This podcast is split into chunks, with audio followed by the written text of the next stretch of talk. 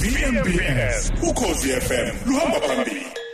23 past 8 ukona umsakazo ukhozi South African Music Month sidlala umculo wasekhaya siyafundisana ngomculo wasekhaya mm. siyafundisana ngokuthi singakhula kanjani kuona lo mculo into eningi ke eshaya abantu bakithi kuona umculo umuntu uyacabanga indaba yekutalente lakhe nokuthi Yeah. azwakale emsakazweni sabalalisa umculo wakhe awufake kuma social media njalo njalo singabheki lokho okubalekile okuphathelene nomthetho ukuthi uvikela kanjani umsebenzi wakho sikubekile ke lokho ayi ngesonto edlule ngaleli yasonto eh no advocate Sibusiso Mlondo isambeli sethu futhi namhlanje sikubingelele sikwamukele advocate. Eh kinibingelele sisinongcebo nawe eh, Bhuti Sipho ngibingelele nabalaleli. sakhuluma ke ngesikhathi sigcina ukuthi sibe nawe.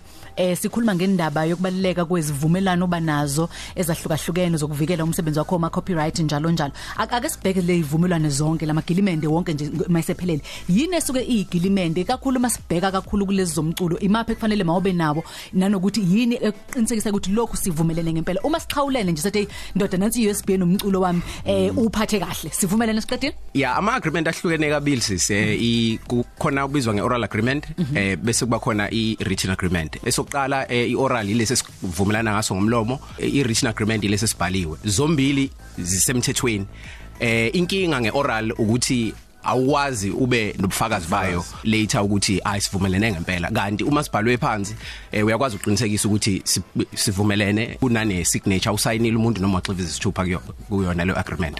Eh uma si sibheka indaba ukuthi ngesikhathi singena kusona lesi sivumelwano kuyona le agreement kulona leli agreement yini ekufanele ngiyiqaphele? Imapha amalungelo ami? Ikuphi kufanele ngoba ngaqhamuza ukuthi hey ndoda ukuze siyiphushe lento sayina fast fast fast. Uthi hayi ngisafuna ukubheka lamagama amancane uthi hayi ndoda khuleka ngikukhavile sayina fast fast. Usayini ukhuluma iphuzu elibalekile lapho sis. Eh esikhathini esiningi into esishayayo eshaya abantu abaningi esengiyibonile evumelaneni ukuthi eh abantu abaningi baya bejahe ukusayina umuntu ebona ithuba angafundi amagama ukuthi kahle kahle yini okuvunyelwana ngayo.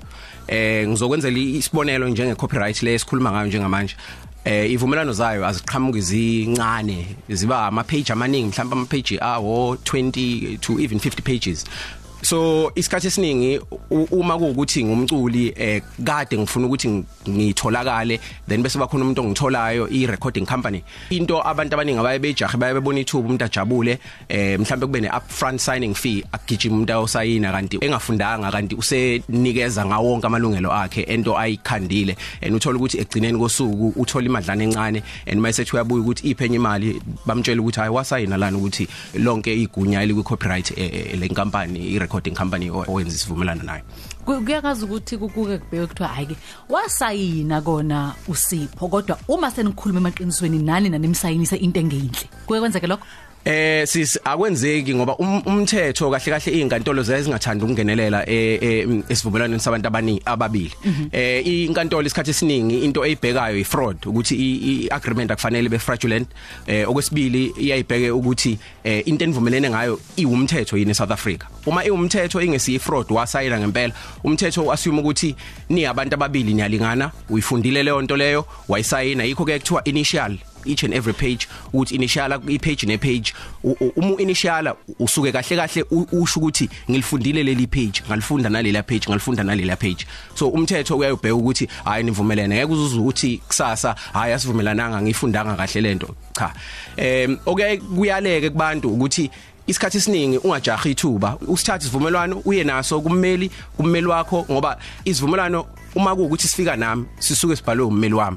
So nawe fanele ube nommeli wakho ozokubhekela uh, ngiyazi ukuthi abantu abaningi baye bebona ukuthi hayi imali kuya kummeli kodwa imali ozoyikhokhela ummeli sometimes iyayibe encane kakhulu kunemali ozoyiluza ngenxa yokuthi awuyifundanga izinto ophisana ngazo kwi- kwi- kwisivumelwano.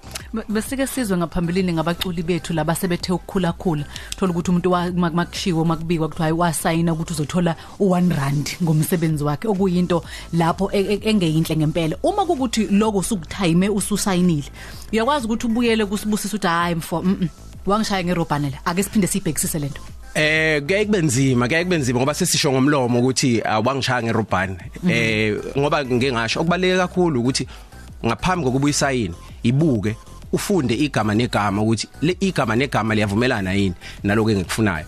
Eh abantu abaningi isivumelano sibe phakathi kwe natural person ne juristic person eh i natural person umuntu wenyama njengami nawe i juristic person inkampani. Abantu baye ukuthi mawuyinkampani abavumelana nayo eh umuntu angasifundi isivumelwano kanti inkampani ngoba ebona ukuthi hayi inkulu vele inkampani ngeke ngize ngiyi-challenge kanti emthethweni siyalingana sonke. So ithathe uye naye ekhaya eh ubuka ukuthi iyavumelana nawe eh ngoba umthetho ubuka ukuthi niyalingana nonke. Eh so akekho omkhulu kunomunye. Uyithathe uhambe naye ekhaya uyibheke ubuye uzoxoxisana naye ukuthi hayi ndoda angivumelani nalokho angivumelani nalokho yana. Ngaphambi kokuba ngisayine asishintshe lokhu shintshe nalokho shintshe nalokho yana. Eh ngoba kunzima ukuyishintsha uma isisayiniwe ngoba em abantu abaningi baye besayine umuntu bese xakwa eh ukuthi akasakwazi ukwenza ngendlela okuvumelene ngayo lo phethe agreement osuke usuvumelene naye uyakwazi ukuthi akise enkantolo athi hayibo awusayenzi lento lena kuforce ukuthi uyenze leyo nto Sibonga kakhulu. Advocate Sibusiso Mlondo sibheka ke indaba ye copyright ukugunyaza umsebenzi wakho nokuqinisekisa ukuthi umsebenzi wakho uwo wakho awuzi ukuntshontshwa omunye umuntu. Vuka nathi. #VMBS #VMBS